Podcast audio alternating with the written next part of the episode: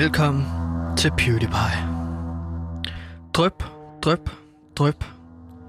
Den bagende sol gemte sig væk, og i stedet fandt de tunge skyer sig frem. Og de tunge skyer, de bar på regn. Og det er der sikkert nogen, der synes er fedt, efter så mange dage med hede. Men tillad mig at citere prisvindende skuespiller Denzel Washington. You pray for rain, you gotta deal with the mud too. That's a part of it. Regn er altså ikke lutter lavkage. Der er mange konsekvenser. Du kan for eksempel blive våd. Du kan heller ikke rigtig drikke et glas udenfor. Og mange andre ting. Men der er noget smukt destruktivt ved regn også. Tillad mig at citere den romerske digter Lucretius. Lucretius, der blev født 94 år før Kristi fødsel. Og som desværre er død i dag. The drops of rain make a hole in the stone, not by violence, but by falling. At falde. Falde. Og falde over vores program PewDiePie har du måske gjort. Vi er glade for, at du er med. Her bliver du gennemblødt af indhold og research i et vandland af skarpe meninger og aktuelle nyheder. Velkommen til PewDiePie. Woo!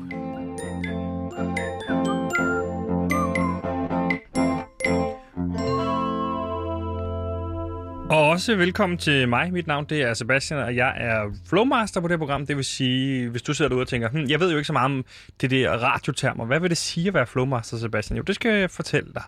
Det handler om at få ting til at flyde. Forestil dig Peter Faltoft, der øh, sidder i en badring i et vand. Så flyder han, og det er det samme, jeg gør. Jeg prøver at få Peter Faltoft til at flyde, ligesom jeg prøver at få programmet til at flyde bedst muligt. Ja, hvis det er sådan, at det, skib, det, der... Nej, nej. Du er ikke blevet introduceret endnu, så lad mig lige snakke videre. Men hvad, hvad skal jeg så flyde i? Jo, jeg skal flyde i vand. Og hvad er vandet så i denne her ligning? Jo, det er research og indhold. Det vil sige en masse nyheder. I det her tilfælde 54 nyheder på 54 minutter. Der skal jeg sørge for, at vi flyder igennem det. Men hvem skal så hælde alt vandet ned i poolen, spørger du måske om. Jo, det skal jeg fortælle dig. Det skal min researcher og indholdsansvarlige Gansimir Ertugras Velkommen til programmet uh, Researcher og indholdsansvarlige Gansimir Ertogradskov. Oh, oh, oh, Gantimir, han har research med. Han har også altid bare lidt indhold. For Gantimir, han er researcher og indholdansvarlig. Han det- går yes. alle... Ja. Hallo, Gantimir her, og som Sebastian rigtig nok sagde, så er det jo lidt ligesom øh, at, at flyde på vand, at være flowmaster, og vandet, det er jo research. Og det er ja. jo ganske rigtigt, at med, ligesom med vand, så kan du også få for meget research. Du kan få for meget indhold, og det får du så sandelig ikke her. Du får ikke for meget, du får lige præcis det, som du skal have på PewDiePie, der er dit nyhedsmagasin. 54 nyheder over 54 minutter. Lige Bum. præcis. Så er det koncept også forklaret. 54 nyheder på 54 minutter. Det er altså et minut per nyhed. Nu er vi, så, nu er vi lige et par minutter bagud, men de kommer ligesom, det kommer vi til at Yes. Så har vi jo også sporten, som vi bruger lidt kortere tid på. Ikke? Ja, ja, med sporten, der, har man, der skal man ikke bruge et minut. Der kan man bruge lige... Bare lige altid i slutningen, så bruger man lige et halvt minut. Bum, så får man måske to gange sportsnyheder, som, som også er nyheder. Det skal måske man ikke lige så gode ny eller stærke nyheder som almindelige nyheder. Men det er nyheder. Og det samme med vejret. Vejret er også nyheder. Selvom man kan sige, at det er jo ikke nyheder, at vejret er her. Nej, men hvilket nej, det vejr? er der hver dag, kan man sige, vejret. Det er et ordspil. Mm. Nå ja, korrekt.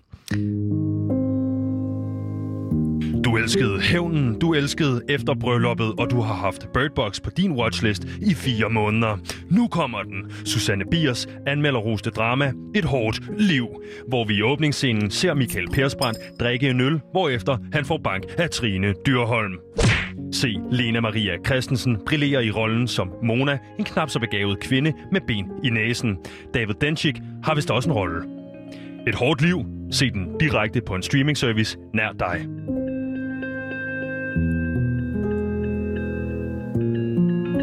Lige præcis. En af de øh, film, man kan glæde sig til biografen, som kommer øh, lige om lidt. Og ganske mere, inden vi kommer for godt i gang med nyhederne, fordi vi skal jo også huske på, vi er et absolut aktualitetsprogram, vi er et nyhedsprogram, og vi kan lige så godt sige det som det er. En af de måder, at vi får øh, research og indhold ind, det er ligesom ved også at opleve ting. Komme ud og opleve noget. Og vi skal jo begge to opleve landskampen i dagens anledning, ganske mere. Ah ja, den, øh, den spændende Danmark mod Rusland. Vi skal jo dække den kamp fra hver vores øh, sted. Ja, og i dag der skal jeg på øh, Ophelia Beach, øh, grundet den karantæne, jeg fik i sidste uge fra parken. Og du skal simpelthen i parken, grundet den karantæne, du fik på Ophelia Beach i sidste uge. Er det ikke rigtigt? Jo, så vi har byttet pladser, simpelthen fordi, at vi har fået karantæne fra de forskellige steder. Ja, og jeg tænker på, øh, nu er det jo sådan, at øh, når man får sådan en akkreditering til en, en kamp som pressen, og vi har jo fået flere hundrede billetter her på Loud, som øh, står ubrugte hen, fordi Det er jo et det er ikke alle, der har. sig for fodbold. Nej, lige præcis. Ganske mere. At der, så, så bliver de der billetter, man får, koblet op på vores ID-kort herude. Og jeg tænkte på, om Ja. vi skulle lave en hurtig bytter. Nu er det jo sådan, jeg fik karantæne for, for bakken, men hvis jeg får dit ID-kort, så vil jeg kunne komme ind. Fordi jeg så, Hmm. hvor meget det regnede i tidligere, og jeg tænkte, jeg, jeg vil næsten hellere i parken, kom jeg til at tænke på. Nå, fordi at Ophelia Beach, det er ikke under tag eller telte eller noget. Der vil regnen jo lige stå ned i dig. Lige præcis. Og det overgår jeg ikke, fordi jeg har lige jeg har lidt med, siddet med noget, sådan noget småsyge af en Mm. for nogle måneder siden, så jeg vil bare meget gerne undgå at skulle blive syg igen. Ja. Øhm, øh, not gonna happen. Sorry, bro. Fordi at jeg skal, jeg skal ind i parken, og det er jeg meget tilfreds med. Blandt andet på grund af regnvejr. Det gider jeg ikke. Men også fordi, at jeg aldrig rigtig været så meget inde på parken som journalist. Jeg prøvede at være der som øh, fan. Ja. Øh, Du er men jo en del af, journalist. af, af den her fangruppering, der hedder øh, Ja. Urban Crew, Mm. som er øh, FCK's aktive fangruppering. Sådan, øh, jeg er kabo der, hvilket betyder, at jeg ligesom leder stemningen. Ja. Øh, står og slår på nogle trommer Men hvad er din plan i aften, ned. hvis du skal i, hold kæft, hvis du skal i parken? Skal du øh, stå på pressepladserne, eller har du fået plads nede ved øh, kabotårnet, eller hvordan? Hvad er det? Nå, så du siger, at så, øh, så har vi jo ID-kortet, som vi bruger til at komme ind bestemte steder, så jeg kan ikke bruge ID-kortet til at bare komme hen til fanservice. Så det skal bruges til øh, presselogen. Men det jeg til gengæld har gjort... Presselogen. Ja, eller hvor pressefolkene er. Ja. Jeg er ikke sikker på, hvor, hvad det helt præcis er, jeg skal være. Men jeg har simpelthen udtænkt en plan, og det er, at jeg får øh, alle fansene ind i den presseloge. Altså Så- de mest aktive fans vil du have med ind på pressepladserne? Ja, lige præcis. Fordi at der er ikke noget sådan vagt eller noget. Man kan bare trykke på med sit ID-kort på låsen, bip, og så står jeg der og holder døren åben, så alle fans bare kan gå ind. Og hvad er det for nogle danske fans, du har fået fat i, som skal med ind med dig der? Jamen, det er nogen ude fra Vestegn, blandt andet. De, de, de Du sørger er jo for også med den øh, stemning. fangruppering, der hedder Alfa, som er de aktive fans i, hvad kan man ja, sige, det er, Brøndby. nogle, det er nogle af mine drengerøv. Ja. Mine drengevenner, ikke? Er det dem, du skal have med ind på stadion? Ja, ja, ind øh, hos pressefolkene. Ja.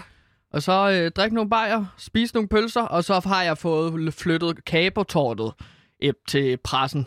Har du rykket kabeltårnet ind ved pressepladserne? Ja, Så, ja, men, og hvis man jo ikke ved, hvad et kabeltårn er herude, så er det jo sådan en lille forhøjning, hvor man står, og så kan man ligesom lede den fangruppering, man står foran med en megafon for eksempel, og gerne har man en trommeslager ved siden af og sådan noget.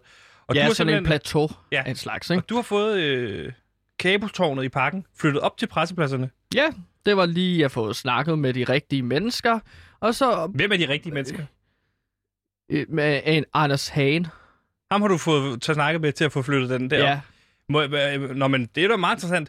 Så du skal simpelthen lede den danske stemning i aften. Hvad er det for nogle sange, man, øh, man synger som, som dansk fan. Det, det Jamen, ved, jeg et... tænker at tage det lidt stille og roligt i aften. Kan vi høre et smagsprøve på nogle af de danske sange? Hvad, hvad, hvad kommer vi til? Hvad kommer du ja. til at sætte i gang? Du, det, du, du er kabo. Jeg tror, at vi kommer mere til at nynne i dag.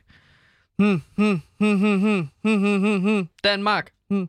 Og så er der ikke noget pres på, at man skal synge med. Det handler om at omfavne en stor, stor diversitet. Så også folk, der ikke har lyst til at Det at være kabo handler vel lige præcis om at aktivere en masse fans og få dem til at råbe og skrige. Og det er jo det, julemand og de her øh, spillere har været ude at sige. Ja, ja. Stadionet skal Ja. gynge i dag. Ja. Hvordan vil du sørge for, at stadionet Mm. gynger i dag, hvis du er kabo? Mm, Jamen, man kan stå og vippe lidt med fødderne.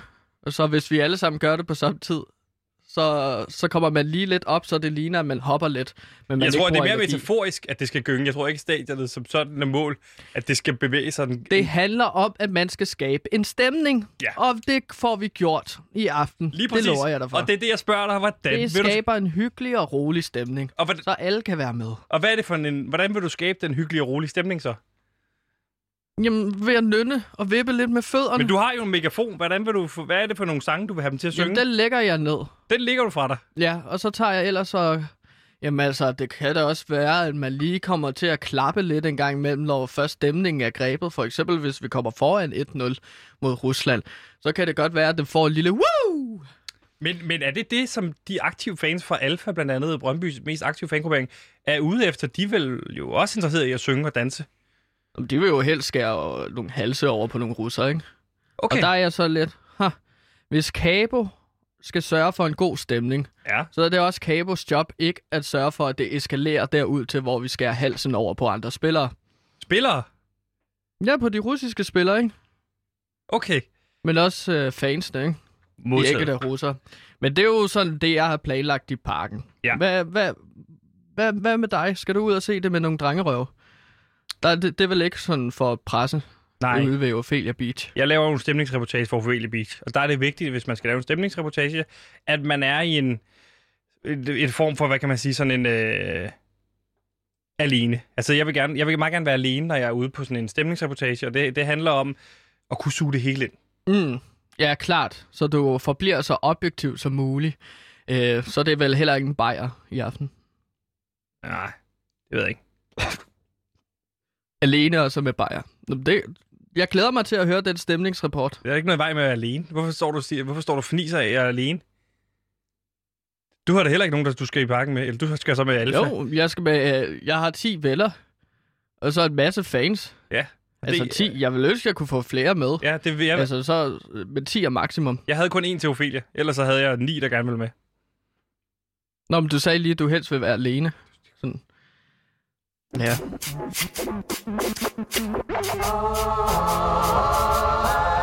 Den mest lyttede og prisvindende podcast om dansk musik, Den Nye Stil, tog Danmark med storm. Nu er efterfølgeren klar. Glæd dig til Den Gamle Stil. Her vil Pelle Peter Jensen, eller Jensel, eller hvad fanden han efterhånden hedder, dykke ned i dansk salmedækning, da det var allerbedst. Glæd dig til de dramatiske stridigheder mellem B.S. Ingemann og Grundtvig, og hvordan hele salmedækningen blev vendt på hovedet, da en ung mand ved navn Adam Øenslager kom ind ad døren. Hallo, jeg har en idé til en salme. Den er lidt løs, men jeg tænker, den skal hedde noget med... øh, Der er et yndigt land eller sådan noget. er det ikke meget, meget bred, bred ymer, ikke? Altså, Det bliver helt vildt. Glæd dig til Den Gamle Stil på Radio Loud. Og Gantemir, nu skal vi jo til en af de helt store nyheder i dag. Det er nemlig det her med, Danmark møder Rusland i aften. Og Ja. du er jo vores... Du er Har vi ikke lige snakket om det? Men vi skal jo lave dyk ned i kampen. Det er jo det, jeg gerne vil. lige præcis, Som fodboldekspert. Nå, men før det var det jo også sådan for at lære sig at kende, øh, have noget, man kan, hvad hedder det, perspektiv, altså forstå. Ja, relatere til, til værterne. Øh, lige og det, det, alle skal jo se kampen, så er det jo også nemmere at relatere til, når de skal også se kampen. De ser også fodbold. Og Ja. selvfølgelig ser du fodbold, fordi du er jo hele lavs sportsekspert og fodboldekspert. Ja. Med markante holdninger, Gantemir. Og i aften, der står slaget jo mellem de to giganter i europæisk fodbold. De tidligere europamester fra Danmark mod det tidligere Sovjetunionen, Rusland.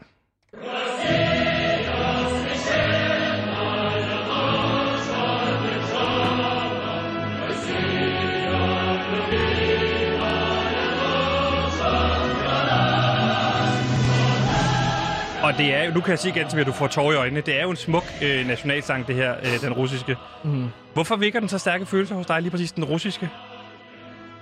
Det er fordi, at når man ved, at Rusland ligesom har den historie, som den har, det er jo, det er jo et stort, det er jo på mange måder et stort land, men også på mange måder et lille land. Det forstår jeg ikke. Nå, men du ved, når man siger, at sådan, Det er jo det største land i verden, ikke? jo, jo, Så vel ikke- geografisk, arealmæssigt, Hvordan er det så småt? Nå, men du ved, sådan, jeg, jeg tænker mere sådan metaforisk, at det er et stort land i forhold til, at det kan omfavne, men også et lille land i forhold til, at det kan skubbe ting væk, ikke? Så det er bare et meget konfliktfyldt land. Synes du, Rusland er et meget omfavnende land? Jo, på mange måder, ikke? Men det er, også, det er også på mange måder et ret lille land. Ja. I forhold til... En blanding af et stort og et lille land af Rusland og Gantemir. Vi har jo tidligere talt om netop det her opgør som et nøgleopgør. Du udpegede det her til, til nøgleopgøret her i slutrunden, nemlig Danmark mod Rusland. Og det, det, det skal det virkelig vise sig, det er. Knald eller faldkamp. Danmark skal ud og vinde, som jeg forstår det, for at, at gå videre. Gantemir. Mm. du kaldte jo tidligere det her opgør for et af de mest politiske opgør øh, til slutrunden. Er du stadig i den overbevisning? Øh, ja, det er jeg. At, øh, jeg, jeg, jeg, mener, at det her, det bliver... Men også bare fordi, at hver gang, at Rusland er med, om det så er Belgien mod Rusland, så bliver det jo et storpolitisk øh, slagsmål, fordi at det er ligesom Danmark repræsenterer EU, og Belgien repræsenterer EU øh, herunder Europamesterskaberne. Især Også Bruxelles jo, ikke? Med Belgien og Bruxelles og sådan noget, ikke? Ja, præcis. Det er jo en EU-pulje, kan man sige, med Finland, øh, med den gamle krig mod Rusland, og så har du øh, Belgien og Danmark, der er EU. Altså, du har virkelig øh, øh, storpolitik Ja. presset ned Ja. på en fodboldbane. Ja, nu står vi jo over for den her øh, altså diktaturstat, borderline diktaturstat, Belgien. som Rus- Rusland. Rusland, Ja. ja. Øhm, Øhm, og der, der, der er så, øh, det er jo de danske gladiatorer, men også de russiske gladiatorer, der tager ud og så spiller en kamp. Øh, hvor man prøver måske lidt at glemme det, men som jeg har sagt, du kan aldrig rigtig blande fo- øh, fodbold og politik fra hinanden. Nej. Det er jo en bog, jeg ved, du skriver på lige nu. Er det ikke rigtigt? Øh, jo, fodbold og politik, det kan du i hvert fald ikke skille ad, Det- hedder den, ikke? det- Øhm, og det Er det er jo en, en form for journalistisk, akademisk, historisk, øh, Bogen også Fodbold og politik, det kan du i hvert fald ikke lige skille ad. Nej, præcis. Og det er en bog, der kommer øh, ud som 200 sider, med en masse flotte billeder i, som jeg har taget Okay. fra forskellige Og hvad er målgruppen til sådan en bog? Jamen, det er til de 7-18-årige øh, læsere. Så det, Fod- det, det, det er jo en bog, der... Altså, det er en bog, som skal købes af forældre, men også sådan bogen, den, øh, du kommer længere og længere hen ad bogen, så bliver den sværere og sværere. Og så er det meningen, man skal læse den over lang tid. Altså som man, ligesom Harry Potter. Ja, ja. Det er jo, du, skal, du skal blive ældre med bogen. Ja, efter, efter hver kapitel, så kommer der også et lille quiz, hvor man skal øh, finde ud af, om man har forstået kapitlet, som man lige har læst. Det lyder som en skolebog. Er det, er det, er det tiltegnet undervisningsmateriale? Og ja, det vil være dejligt. Det vil være fedt, Ja. hvis det kommer ud i skolerne. Bogen Fodbold og politik, det kan du i hvert fald ikke skille ad. Nej, til sidst bliver det også bare et puslespil af en slags, ikke? Hvor, det, sådan, det, det står ikke med tekst, men du skal ligesom kunne afkode, hvad det er, jeg har skrevet med forskellige symboler og så videre, ikke? Men lad os Så det bliver dykke, en spændende bog. ja, lad os prøve at dykke ned i noget af al den viden, du har om netop det, Gantemir. Ja. Fordi du har jo tidligere øh, breaket og frygtet, at der er en dobbeltspion i den danske øh, EM-lejr. Og du, du fik ud, fandt ud af via din kilde, at, at en af de to AC'er Ja. øh, er en dobbeltspion fra den russiske lejr. Mm. Har du fundet ud af, hvilken det er? Fordi vi har jo både den svenske og den danske, eller øh, britiske, kan man sige, i øh, AC fra øh, Chelsea og AC fra Malmø. Ja. Er du kommet tættere på, hvem det er? Ja, det er Malmø. Det er Malmø AC, Det er Malmø AC, ikke? Og det er som, derfor, som han den ikke danske spiller. lejr så har omvendt til at blive... Øh, Til at blive... Uh, Dobbeltspion. Ja, præcis. Men, men nu, nu øh, vent, så venter russerne ham til spion igen, og Danmark fik så spændt... så nu er han trippelspion, kan man sige. Nu har han vendt igen. Ja, og det der så også er sket, det er, at Danmark så vendte ham om som spion. Så lige nu er det lidt usikker om, altså han er kvadrupel spion. Så vi ved ikke 100% hvor mange gange han er vendt endnu. Nej, og jeg så ved, alle er i tvivl om, hvilken side... Er det det, så det er derfor, han ikke spiller? altså det, det, er jo, det er jo mine kilder fra den danske nationallejr, øh, lejr, ikke? Den danske landsholdslejr, Mm. øh, som jeg skriver med. Og jeg kan ikke lige finde ud af, øh, øh, hvor, hvor, hvor det er, han står henne, den svenske AC. Nej. Om han er russisk eller dansk. Nej, øh, og det er de, er de også i tvivl om i den danske lejr. Ja, det virker sådan. Men Rusland ved jeg også er i tvivl om, hvor han står. Så jeg tror ikke rigtigt, han bliver brugt længere. Så nu er han bare med til EM, uden at blive brugt, brugt af nogen. Hvor- hvor- Hvordan vender den danske lejr ham om i første omgang fra russisk til dansk spion? Jamen, han blev låst ind i en biograf Okay, øh, til at starte med. Og så lavede de sådan en Clockwork Orange på ham. så de, de tiltvang hans øjne til at være åbne, og hvad skulle han Jeg sidde og se tvang på? ham til at se nogle dokumentarer øh, og EM92 øh, for at vække en patriotisk følelse i ham. Ja. Og så, kom, så, så indser man jo, som den øh, Malmø øh, AC gjorde, Nå, men jeg er jo dansker af blod. Men ja, Clockwork Orange er tvil til, altså tvinger de dem ikke til at se det, Det er jo som de tidligere godt kunne lide. Kubrick. Ja, ja, det ved jeg godt. Men tiltvinger de ham ikke til at se ting, de, de godt kunne lide tidligere, og så først ligesom en antabusform for at skabe op- en opkastfornemmelse ved at se det her igen og igen og igen og igen. Så ved at han ser EM92, så når han ser det danske landshold, så kaster han vel op. Nej, men det er jo sådan en filmtrick. Okay, Øhm, I virkeligheden forholder det sig jo anderledes. okay. Så han er blevet mere forelsket i Danmark, af at blive tvunget til at se Danmark. Og det Danmark, han er forelsket i, skal jo spille... Stockholm-syndromet. Ja, nå, apropos svensk Og så, så, så Rusland, de fangede ham, så øh, Malmø i Sverige, ikke? for at vende ham om som spion igen. Og der skete Stockholm-syndromet så igen. Hvad viste så- de til ham der? Var, blev han også låst ind i en biograf der? De viste den der scene fra Eisensteins film. Altså Potemkin-filmen? Jeg jeg skal bare lige huske Eisensteins film, hvor der er sådan en trappe, hvor der kører Ah, en barnevogn Potemkin-scenen. nedad. Ja. Den her, hvor man forlænger tid og, og skaber spænding. Så, skal, så skal, fik han nationalfølelse stor stolthed ved at se den barnevogn falde ned ad trapperne. Men det siger mine øh, kilder. Okay. Og Så fanger den danske lejr ham så igen. Ja, og så udvikler han Stockholm-syndrom igen, og bliver forelsket i sine øh, fanger der, ikke? Så der sker meget på den front, ikke? Det er det, Ligesom- jeg har skrevet 200 sider om. Du kan ikke skille fodbold og politik ad, Nej, vel? nej, og netop det her fodboldpolitik kan du ikke skille ad i, i aftens opgør, Ganti, men du har jo slet tidligere- ikke i aften. Nej, og du har jo tidligere udpeget Juba og Mario Fernandes som store profiler for det russiske hold. Mario Fernandes, der gik ud med en alvorlig skade mod Finland. Hvad er status med ham? Kommer han til at spille i aften, tror du? Status er jo, at det er underligt, at han har lidt syd, sydlands navn, når han spiller for Rusland, ikke? Ja, du det fortalte det, jo tidligere, siger, at han var en tidligere spansk dobbeltspion, som de så har embraced i, øh, i, den, i den russiske lejr, ikke? Jo, og han spiller jo stadigvæk for Rusland, så der er det lykkedes at øh, beholde ham.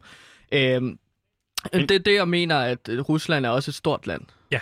Men, men måde, det, jeg spørger mere, tror du, er Mario Fernandes stadig skadet? Hvad siger dine Ja, kilder? han, han, øh, han kommer til at starte ind. Okay. Men Det siger skadet. min kilder. Ja, De spiller ham alligevel. så god er han. De har virkelig brug for ham, så om det er et brækket ben eller en, en øh, forvridning. Der er jo mange forskellige skader, du kan få som fodboldspiller. Og det er jo nakkeskade, han har haft, ikke? Jo, nakkesten. Eller lyresten hedder det, men så nakkeskade, ikke? Øh, måske... ja, men altså, hvis det er en nyresten, så skal han jo først øh, pisse en sten ud af øh, tissemanden, ikke? Men, men det er ikke så meget det, jeg vil snakke om. Øh, du skal heller ikke stille spørgsmål til hans skade. Altså, han har en skade, og får det så er fra, det ved jeg da ikke.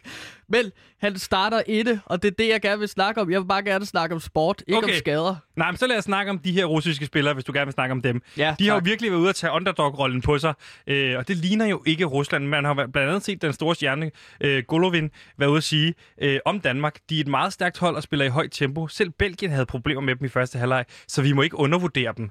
Altså, de er ude at tage en underdog-rolle. Hvorfor? Hvorfor? Det ser vi jo ikke normalt. Rusland er jo land, der puster sig op. Ja. Hvad går det her Meget- ud på? Jamen, det er jo meget autoritær stat i virkeligheden. Også med Putin, øh, som er jo statslederen Ja. øh, af Rusland, og har været det i mange år nu. Men det er jo klassisk øh, altså, underdog-teknik, hvor man lader, som om man er dårlig. Og så undervurderer Danmark så øh, Rusland til kampen i aften, og så er det der, at Rusland virkelig kan byde fra sig. Ikke? Så tror jeg har du... jo brugt det samme trick flere gange, og det er jo lykkedes hver eneste gang. Jeg står jo og laver Hvordan har du brugt nu. det trick, siger du? Jamen, jeg har jo tjent mange af mine penge ved at gå ned på en bar, og så spille lidt billiard, spille bevidst dårligt, og så når de satser flere penge, fordi at, okay, så tror jeg, at de kan tæve mig, så udfordrer folk mig jo. Og så satser de bare helt vildt højt, fordi at de tror, at jeg er dum nok til at hoppe med på den. Ja, Hvor fordi store jeg, beløb har du vundet på det her gennem, gennem dit liv? 20 20.000 hver omgang. Mange gange har Det- du gjort det det. er jo- 36 gange. Okay. Så det kan man jo lidt regne ud derude, hvis øh, man lytter med, ikke? Og, Men det vil heller, heller ikke snakke om. Jeg vil bare gerne snakke om fodbold. Og det, det- jeg vil prøve at det- sige, at det her og klassiske underdog-trick, det er fordi, at Rusland, at de vil bare gerne, fordi at de ved, at de er dårlige, det er dårligere hold, end øh, vi er. Ja.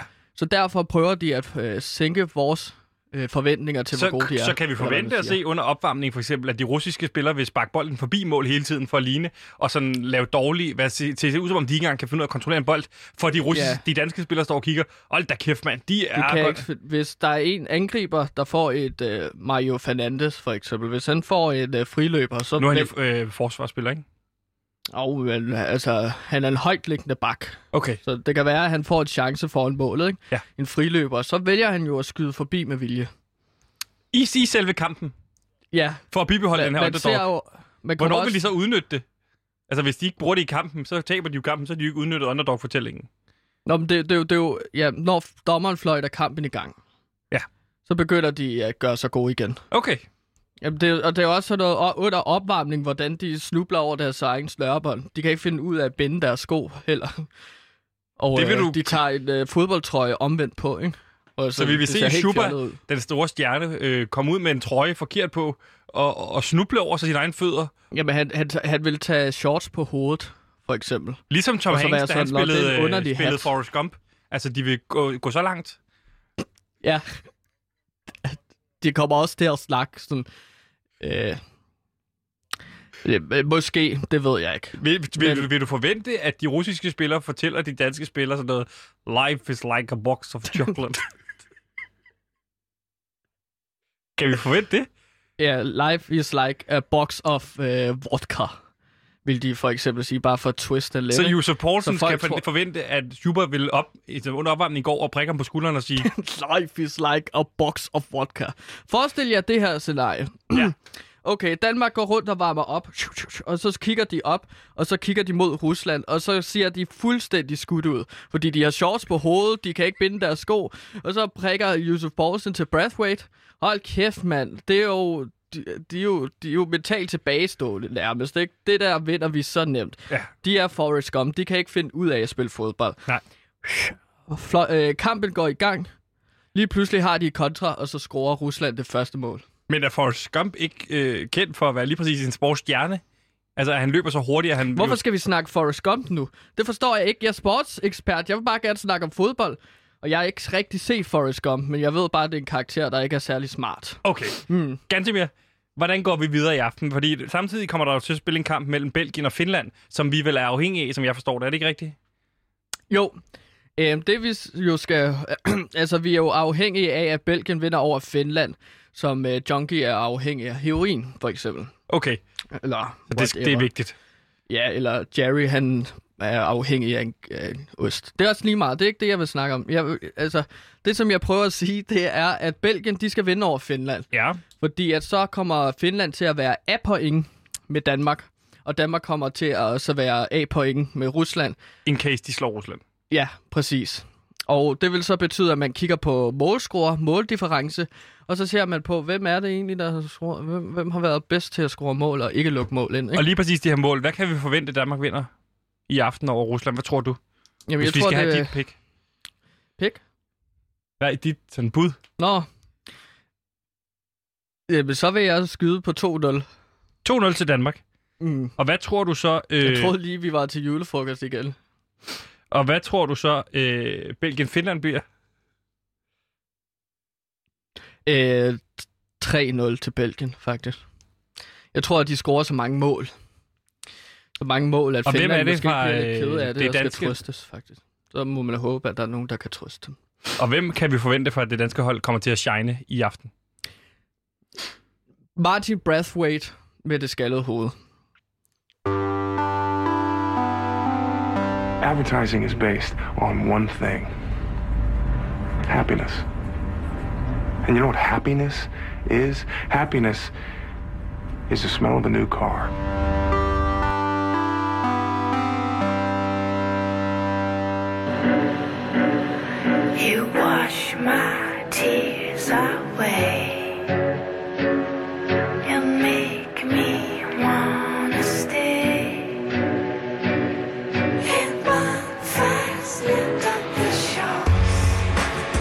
Far, far away. Så for satan, Gantemir. Nu er vi kommet til et kæmpestort moment, fordi at vi er kommet til sidste afsnit i sæson 2 af Strisser på anhold. Og sidder du og tænker, hvad er Strisser på anhold egentlig? Hmm. Jo, det er en lokalbaseret krimi, som Gantemir er begyndt at skrive på. Ja. Du kan forestille dig Sommerdal, Hvide Sande og så videre. Sådan en lidt kæk øh, form for krimi, hvor at øh, vi følger øh, to politibetjente og en gravejournalist Ja. øh, kamp for at opklare mysterier på anhold. Er det ikke rigtigt, Gantemir? Jo, det er jo sådan en forbrydelse, der foregår ude i provinsen, som er så meget, altså, utrolig populært for tiden i dansk tv. Og øh, på det sidste har jeg jo yndet lidt at, at prøve at høre lidt omkring det her med sådan øh, baggrunden for det at være manuskriptforfatter, men det vil jeg simpelthen udlade i dag, fordi ganske mere, vi er kommet til det 10. afsnit, og det 10. afsnit er jo det sidste afsnit i denne her sæson, og der er jo et kæmpe stort mysterie, der skal opklares. Så øh, jeg tænker, hvis du er frisk, at vi egentlig bare går i gang med at kigge på, hvad der skete sidste gang. Ja, det er jeg frisk på. Fordi ganske mere efter, at øh, John blev hyldet for at have reddet den nye borgmester Gerda Mogensens datter, øh, er der noget, der ikke stemmer. Vi, øh, vi møder dem to år senere, efter at hun er blevet frifundet, eller blevet fundet og, og, og, og løsladt, kan man, eller ikke løsladt, men er blevet fundet og reddet, øh, Gerda Mogensens datter. Og øh, der går John stadigvæk sammen med Kasper Schmel og øh, hvad hedder det, øh, spilmester Martin på denne her karneval, der er til, lavet til en hyldest for ham. Og han går stadig og brokker sig over, at der er noget, der ikke stemmer, ikke? Jo. Og øh, de to er nu blevet, øh, der er nu blevet fundet øh, tre rigmandssønner, øh, Buk Brose-brødrene, der er blevet slået ihjel og hængt ned for en bro. Og John øh, fornemmer, at denne her har noget med den sag at gøre. Øh, hvad hedder det? Den her tidligere sag. Ja, det sker jo to år senere, efter øh, karnevalet. Ja, og øh, derfor opsøger han Kasper Smell, som har udgivet den her bog omkring hele øh, forløbet, og han præsenterer så øh, de her, den her case for, for Kasper Smell og siger, der er noget, der ikke hænger sammen her. Altså, øh, hvordan kan vi have, have opklaret mordet dengang, og der bliver stadig slået folk ihjel her på Anholdt? Mm. Der, der er noget, der, altså, der er, vi har måske ikke fanget den rigtige mand, vel? Nej, der er noget galt, tænker John. Så de får fat i øh, spilmester Martin, som de, får, øh, som de får med på holdet, som ellers er ved at flytte tilbage til sit hjemland Barda, sammen med sin kone og nyfødte tvillinger. Øh, men han bliver altså overtalt til at sige, vi skal undersøge den her sag videre, der er noget, der ikke stemmer. Så han går med til at hjælpe dem en sidste gang, siger han, inden han skal hjem til Barda. Ikke? Og øh, her kommer de så ud til den gamle vikinglandsby, som er blevet blæst omkuld, den her vikinglandsby. Og hvad hedder det... Øh, den er fuldstændig blevet bevogtet og muret til, og man kan ikke komme derind. Men de kravler over et hegn, og der finder de så omringet af vagter et mm. kæmpe stort sort hul. Øh, Folk 100 i byen meter tror jo, at det folk i byen tror jo, at det er en byggeplads. Fordi at der skal genop- genopføres en vikinglandsby. Lige præcis. Men det, øh, det tror jeg, vi hurtigt kan afskrive ganske mere, fordi vi slutter på, at vi ser de her, det her kæmpe store hul. Og der slutter afsnit 9 i virkeligheden. Mm. Og så af, starter afsnit 10 op. Og Gantemir, hvad åbner vi på i afsnit 10? Jamen det her hul, der kan Martin, John og Kasper jo stå og så kigge ned i, og det er jo mere end, altså, mere end 100 meter dybt hul. Ja. Altså, de står og diskuterer, hvad, hvad, hvad er det her? Okay, de står og har en diskussion og kigger, hvad det er. Men de ved vel Er godt, det er et hul, ikke? Ja, de fremlægger deres teorier, ikke? Okay. Og det er jo sådan, Kasper Smell siger allerede, mm, det kan være en meteor, der er landet. Og der siger spilmester Martin, nah, sådan ser en meteorhul ikke ud. Det ved Spilmester Martin, hvordan meteorhuller ser ud. Jamen, spilmester Martin er en meget vis mand. Det er ham, de ligesom går til for at få råd. Øh, de andre, ikke? Jo. Og han Så- så. har set et meteorhul før, eller hvad? Ja, men han har jo undersøgt det lidt på nettet en gang imellem, ikke? Han, Okay. kan, han, er, han er meget alsidig klog. Det er ham, du gerne vil spille Trivia Pursuit med. Okay. Øhm, så, så John tror, at det er en guldmine. Fordi at Johns det, bud, da han siger det, det er en guldmine. Ja, fordi at det kan jo så også uh, spot, at der, der, der er en elevator. Der er en elevator Der- endnu en gang, ligesom vi så med Martin Andersens kælder. Der var altid en elevator til. Der er også en elevator her. Der er en elevator, og den får de øje på. Så de bliver enige om, at de gerne vil gå ned og undersøge det. Og det er så her, at Kasper Smell, han tager sin notesblok frem. Fordi at nu kan han jo skrive fortsættelse til den prisvindende anholdt-bog, han har skrevet. Ja. Øhm, Hvad, De- form var det? Hvad, hvad er det for en notesbog, han har, Kasper Smith? Hvordan ser den ud? jamen, det er jo sådan gul med hvide, hvid, nej, øh, blå striber, så man kan se, hvordan man holder sig inden for linjerne. Ikke? Jo. Øh, Har så- han problemer med at holde sig inden for linjerne? Ja, meget. Så det, det er noget, han øver sig på, ikke? Han skriver også kun med blokbogstaver. Store blokbogstaver. Så siger, han siger, at det er fordi, at det er lettere for ham at læse senere. Okay. Men John øh, tager, mobber ham lidt. Det må være meget Ja, langt. kan Det tager lang tid for ham at tage noter, hvis han kun skriver med blokbogstaver. Jamen, det, det, det, det gør det også. Og det er en lang scene med elevatoren, fordi vi skal hele vejen ned, ikke? Ja. Øhm, men, men inden de så tager elevatoren, det skal jo så lige siges, de ser, at den er fuldstændig omringet af vagter, selvfølgelig. Ikke? Så Kasper Schmel, han foreslår, at han kan lave en afledningsmanøvre. Og, øhm, og det tænker John og spilmester Marty så, ha, det er da en lidt dum idé, men Kasper Schmel, God bless him, han er jo allerede smuttet. Hvad er det for en afledningsmanøvre, han, han laver, Kasper Smell, som, øh, som skal lokke vagterne væk? han, han løber bare ind midt i det hele, og så trækker han bukserne ned. Og så, siger han, og jeg griner, fordi jeg synes, det er så sjovt. Det, det, tager det skal jo sige, ned, det skal og så- siges, det er jo en blanding af Nordic Noir med comedy, body comedy, så der er jo lidt comedy i den også, ikke? Ja, og jeg tænker, her er et ikonisk comedy-scene i dansk øh, biografhistorie. Okay. Det kan jeg godt love Hvad sker for. der her? Kasper Smell løber ud foran Biografhistorie vagter. alligevel. Skal den vises i biffen, den her serie? Ja, det synes jeg sgu. Jeg, jeg er så selvsikker på det her afsnit, så Kasper Smell han løber frem foran vagterne, tager bukserne af, og så siger, se min lille bitte numse.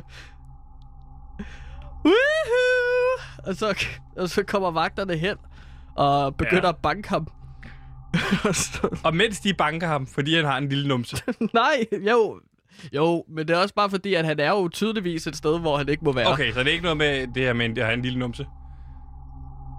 Også let, fordi de siger, at den røv er godt nok lille. I like, I like the big booties, er der en af vagterne, der siger. Er der en af de her vagter, du kan jo se, Mm. mm. du kan bare se, øh, det her er jo skrevet, at en af vagterne øh, er spillet af Top Gun, rapperen hvor, hvor han siger, at man kan ikke stå, stå på en gravjournalist med en lille røv. Og det, og det er...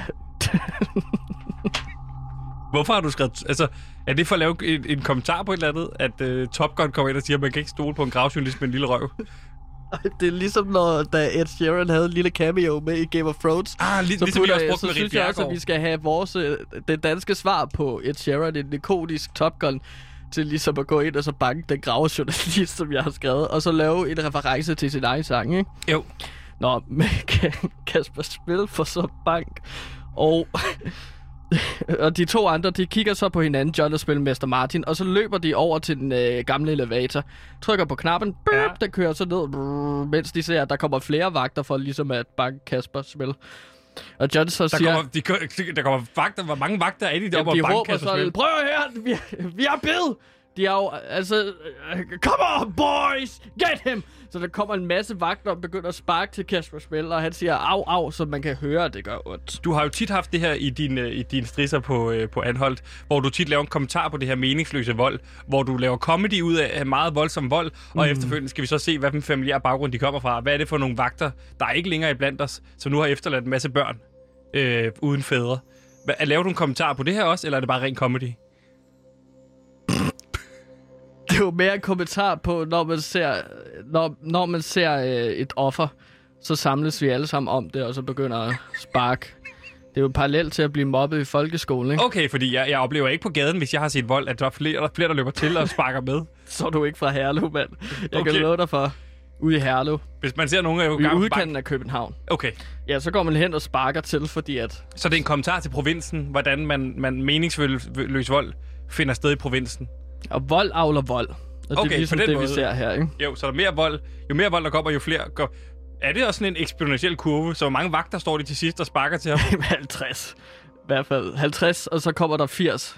Og så på et tidspunkt, så må de organisere sig, så de stiller sig i kø for at gå hen og så spark. For ligesom at, øh, for at vise, at vold avler vold. Ja, det er en Okay. kommentar. Det er stadig åbningsscenen, det her, ganske. Ja, ja, Hold men- da kæft, mand. Det... Jamen, det altså... Det er jo meget vigtigt for mig, den kommentar. Det er helt store afsnit. Så John siger så til Martin, mens de kører ned i den der gamle elevator. Jeg håber, han klarer den.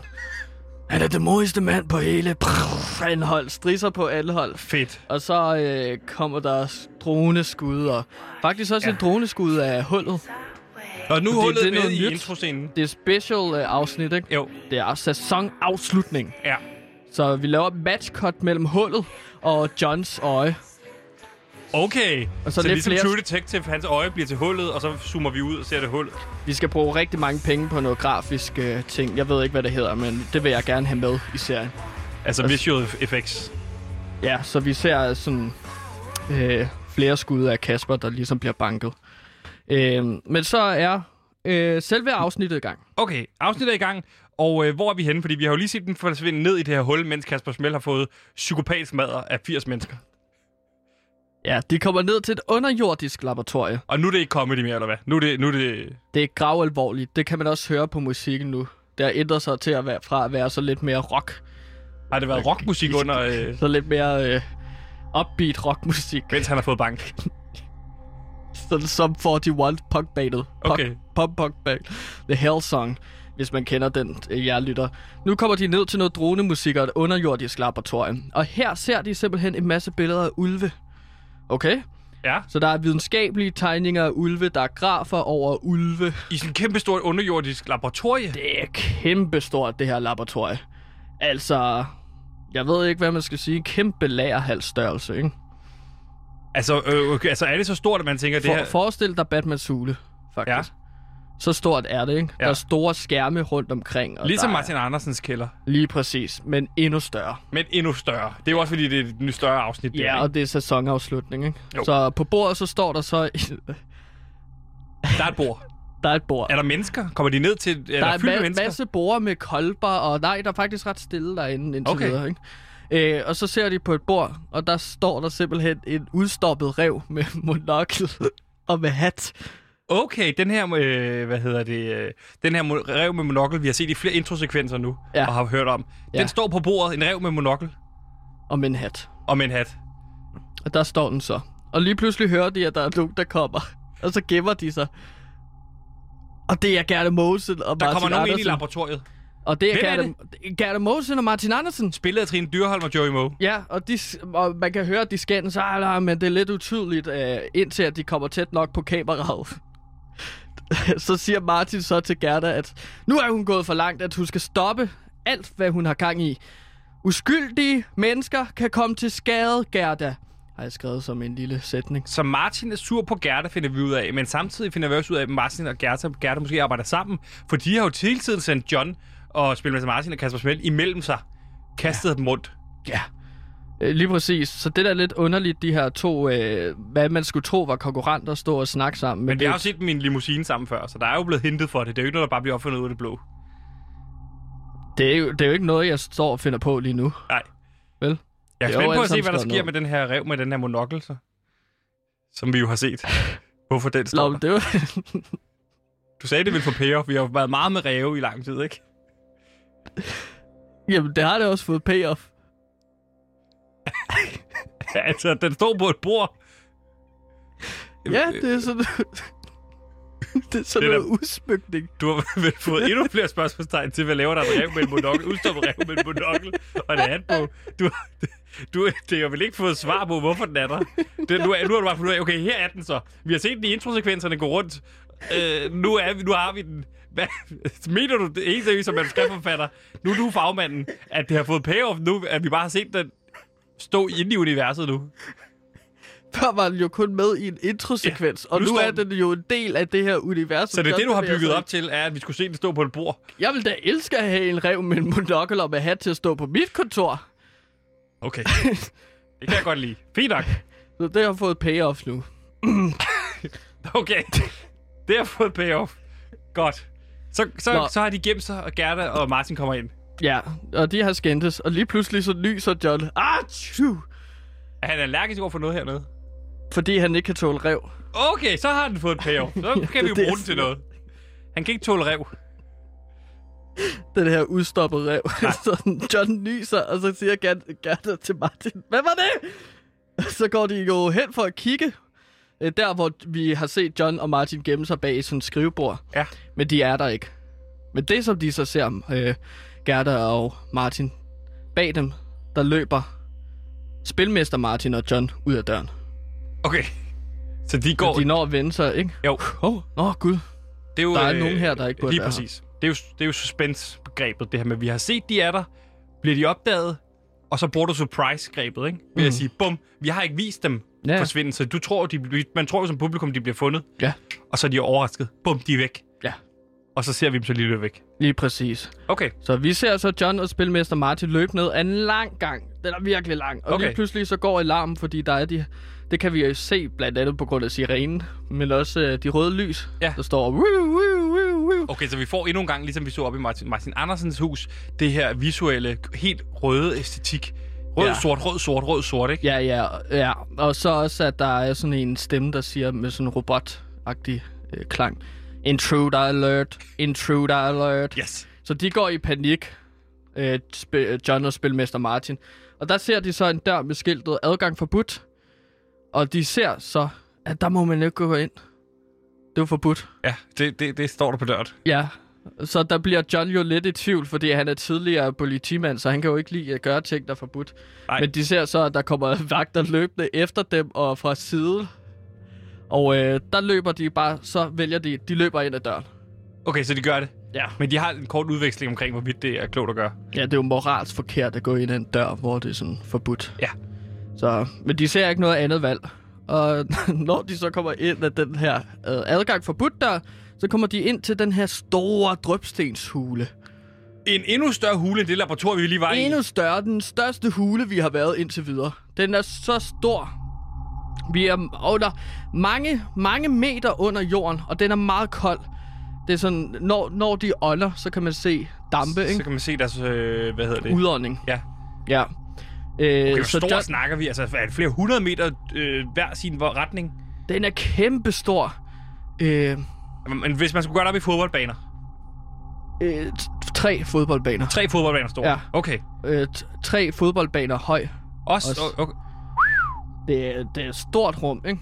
Der, Det er et kæmpe rum jo. Det er over brugt mange- 120-30 meter højt jo. de har brugt mange timer for at grave sig frem til det. Ja. ikke? Det, det kan jeg også se i Spilmester Martin, hvis vi siger til uh, Ja. John. Præcis. Og John, han skal så til at lave en spydig kommentar omkring, at han kan se sin egen ånde. Øh, men der når Martin så lige at prikke ham på skulderen, og så får ham til at vende sig om. og vi følger så John med kameraet. John vender sig om. Han ser den her gigantiske ulv, der frosset en gigantisk isklump. En kæmpe stor ulv. En, en, en 50 meter høj ulv. Er det Fenrisulven? Ja, det Ej. tror jeg. Det, det ved du vel. Du er manuskriptforfatter. Nå, ja, jeg ved ja. det. Men karaktererne ved det ikke. Nej. Øhm, De ser en kæmpe stor ulv. Okay, frosset ned. Ja, den er frosset ned. Den er ligesom, ligesom hvis man kan finde myg i rav. Og også et fantastisk fund, ikke? Men her har de lige fundet noget, der alligevel er mange gange større, ikke? Men det er en ikke i kæmpe. Ulv. Det er i uh, is. Det er is, ja. Ja. ja. Den har været frosset ned i mange, mange øh, år, årtusinder, ikke? Jo. Så de står der forundret og kigger på den her ulv. Og der er John, han går så op og lægger hånden på isen, hvor ulven øh, er frosset inde hos. Men det pulserer, når han rører det. Pulserer? Hvad mener du med pulserer? Øh, ligesom lyser op. Altså vibrerer. Okay. Isklumpen vibrerer og lyser op. Så han har jo en eller anden form for, det er det, jeg prøver at sige, sådan en forbindelse til den her ulv. John? Ja, Okay. okay. det er i hvert fald det indtryk, jeg gerne vil have, folk har. Okay. Så bag dem, så ser de så, at øh, døren går op, og der kommer Gerda Mogensen omringet af sine mange soldater ind. Okay, Og hun- vagterne de er kommet ned. De er færdige med at smadre Kasper Smell. Ja, Okay. tror vi. Vi ved ikke, hvor mange vagter der jo er. Nej, Det kan være, at der er mange flere vagter. Men hun, hun siger så til vores helte, øhm, Åh, hvor er I dygtige, I er nået så langt, men det stopper altså nu her. Og bag hende, så kommer Martin Andersen, og her er der så sket det, at han er blevet lagt i håndjern, Sebastian. Martin Og- Andersen er blevet lagt i håndjern. Og han har bind for munden. Okay, ja, det ja. er mystisk. ja, ja, vi troede jo lige, at Vi- de vi- arbejdede sammen. Du kaster rundt med seernes forventninger lige nu. Så arbejder de sammen, så arbejder de ikke sammen. Så er de i håndjern. Ja, jeg har serierne i min, min hulehånd, Ja. og jeg tyrer ting efter dem. Jeg propfodrer dem med information med Ja. den anden hånd. Det er rent foie Det er rent foie De bliver propstoppet med information, ikke? Jo. Det er rent skullfucking. Jeg skullfucker publikum med god tv. og comedy. Og comedy også. Nå, men hun forklarer så i en lang tale, Gerda Mogensen, at hun nedstrømmer fra et slægt, som går tilbage til vikingetiden. Okay? Som har tæppet... som har tæmmet Fenrisulv, eller brugt den til at herske jorden. Og det her kommer til at ske igen. Det er sådan en uh, bondskurk tale, ikke? Ja. Hun står der og forklarer sine planer. Ved vi, hvad for en vikingeslægt hun stammer fra? Øh, Ravne-klan. Gerda Mogensen fra Ravne-klan. Ravneklanen. Mm. På trods af, at det handler om Fenrisulven. Så det er Ravneklanen, hun kommer fra. Jamen, det var Ravnen, der dominerede øh, ulven. Okay. Det var ligesom planen, fordi at øh, Ravnen, det er jo Odins. Og Odin, han kommer til at blive nedslagtet af ulven. Så hvis Ravneklanen har styr okay. på ulven, Sorry, så... det vidste jeg ikke. Det gav jo super god mening. Jamen, det er også noget, hun forklarer her, ikke? Okay. Gerda for, forklarer. Ja, vi sidder med manuskriptet det det- foran os, så det er ja. ikke bare noget, vi står og finder på her. Nej, nej. Det er ikke noget, jeg bare finder på lige nu. Nej. Men hun forklarer så også, at Martin Andersen hjalp med at betale projektet. Han er jo rigmand. Og så hjalp han med at lokalisere Fenrisulven igennem hans research. Han har jo søgt meget Okay, så Gerda Mogensen har været på jagt efter, hvor fanden er den her Fenrisulv henne? Mm. Og den simp- befinder sig simpelthen under anholdt. Det er under anholdt. Samme sted, hvor der var en nazi-kampagne tidsmaskine. Det er, der sker ting på Anholdt, må man sige. Det kunne godt være undertitlen til begge sæsoner. Anholdt, Der sker ting. Der sker mange ting, ikke? jo. Du skoldfucker folk med information lige nu, det må man Ja. sige. Øh, men, men så fik Martin Andersen så kolde fødder, så da han fandt ud af, hvad hendes planer var, har han siden da prøvet at forpure Gerda Moses plan. Okay, Og det, det er er derfor, han var sur i starten. Det er fordi, hun, hun er ved at udnytte Fenrisulvens styrker. Og han vil bare gerne finde Fenrisulven. Ja. Så det er hele det her motivation. Hvad er det for en motiv, eller motivation, der driver de to karakterer, ikke? Mm. Så det er også derfor, Martin Andersen han er bundet lige nu, Ja. ja. fordi han prøver at forpure det hele. Ikke? Så John han ser sig så omkring, og nu er det spænding, ikke? fordi at det er virkelig farligt lige nu.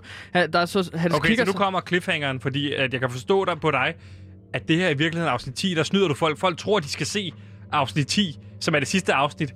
Men i virkeligheden, Gantemir, du kan du sige det selv, fordi det er fedt, gider man genialt for på. Jeg- fordi vi har jo jeg- set hele vejen igennem afsnit 1 ud af 10, 2 ud af 10, 3 ud af 10. Nu kommer 10 ud af 10. Ja, Men det er jo dobbeltafsnit Det er til sidst, dobbeltafsnit. ikke? Fordi uh, så er det stadig afsnit uh, 10, men det er B. ja. 10B.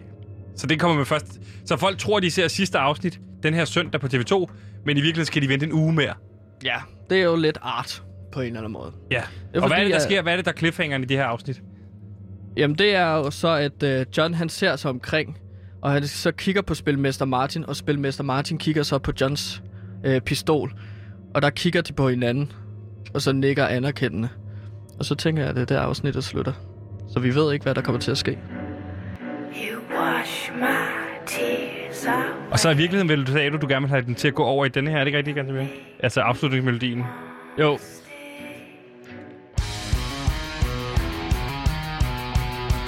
Eller, det er jo den, det er jo den sang, som uh, Kasper Spiller bliver bakket til, hvor de står og sparker til og slår ham. Og hvad er, det, der, hvad er det, der sker her, kan jeg se, Manus? Der sker jo noget i ret hurtigt post-credits, går den over i en scene med den her sang spillende. Hvad er det, vi ser i scenen?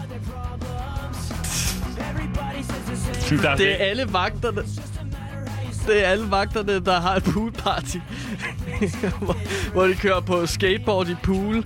Der ikke er, øh, og der er nogen, der griller pølser. Det er stadig med deres sorte uniformer, og sorte hjelme og sorte briller. Og er så for- står der nogen og ryster røv. Altså, det er rigtig sådan frat party. Alle har det skide godt. Og det er jo netop det her med at forstå, at de her vagter har jo et unikt fællesskab også. Ja, så i baggrund, så banker de så Kasper Spil. Det synes jeg lige, vi skal se noget mere af. Spillet af den rigtig talentfulde Elliot Hove. Lige præcis. Gantemir, det er jo et, øh, et fremragende afsnit, øh, og for lige hurtigt at løbe det igennem igen, Gantemir, så, så øh, starter afsnittet op på endnu en gang, vi står og, ser ved hullet. De kigger ned i det her dybe hul. Kasper Smell siger, jeg laver en afledningsmanøvre på alle de her vagter. Han løber ind og siger, se en lille røv, jeg har. Og så kommer Top Gun, det, det her øh, afsnit statist, og siger, man kan ikke stole på en gravjournalist med en lille røv. Og så begynder de at smadre ham. Og der er flere og flere, der viser den her meningsløse vold, de her frat, frat party gutter, ikke? Jo, jo, Og øh, jo. imens, så, så sniger spilmester Martin og Johnson ned i øh, underjordisk kugle, hvor de opdager Gerda Mogensen og spilmester Martin, og der var de så på flugt fra. Mm. Og der får de så igennem den her flugt afsløret, at Fenrisulven ligger, 50 meter stor ulv ligger frosset under jorden, og der er det, Gerda Mogensen kommer ind og forklarer sin plan. Hendes ja. Plan var hele tiden verdensherredømmet. Øh, den ultimative motivation, man kan have som skurk. Ja. Og øh, der slutter vi det her dobbeltafsnit, som folk ikke troede var et dobbeltafsnit. Folk troede, de skulle have afslutning i dag, men det fik de bare ikke, for de skal vente en uge mere. Ja. Og det er, det er samtidig med, at du giver folk mere af det, de vil have, altså heroin. Det her krimiserie er, der er, jo, er jo befolkningens heroin, så pisser mm. du også på befolkningen. Det er Ja. det, jeg godt kan lide dig. Du er en Lars von Trier blandet med en Christopher Nolan. Ja, det har jeg også altid sagt. Og jeg vil også bare lige kommentere på, at øh, der var også den her rev, øh, udstoppet rev. Ja, den fik vi lige forløst, den her. Øh, fik et payoff, fordi han jo nyser af den, ikke? Jo, jo, han er allergisk over for rev, så den her rev, som vi måske har holdt lidt med igennem øh, 10 afsnit. Lige præcis. Ligesom Twin Peaks og The Lock Lady. Og hvad er det, hun ved? Hvad er det, hun ikke ved? Hvad er det, den her træstup? Så har det været din, øh, din rev, ikke?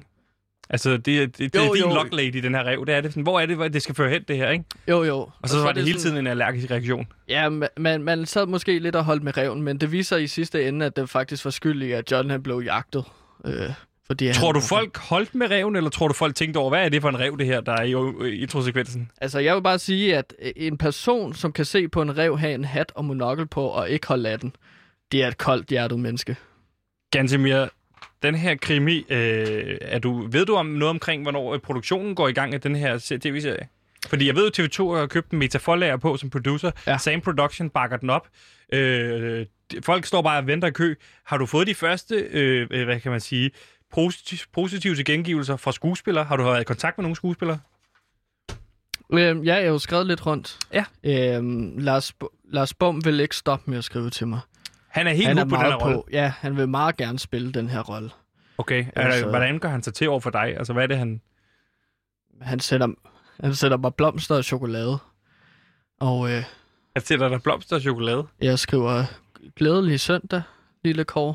Gantimir, lille Gantimir. Har du sovet godt? Og så svarer jeg så tilbage, ja. Og det gør han hver søndag. Og hvad siger TV2? Jeg ved ikke, hvor meget har TV2 set i forhold til det, du har skrevet?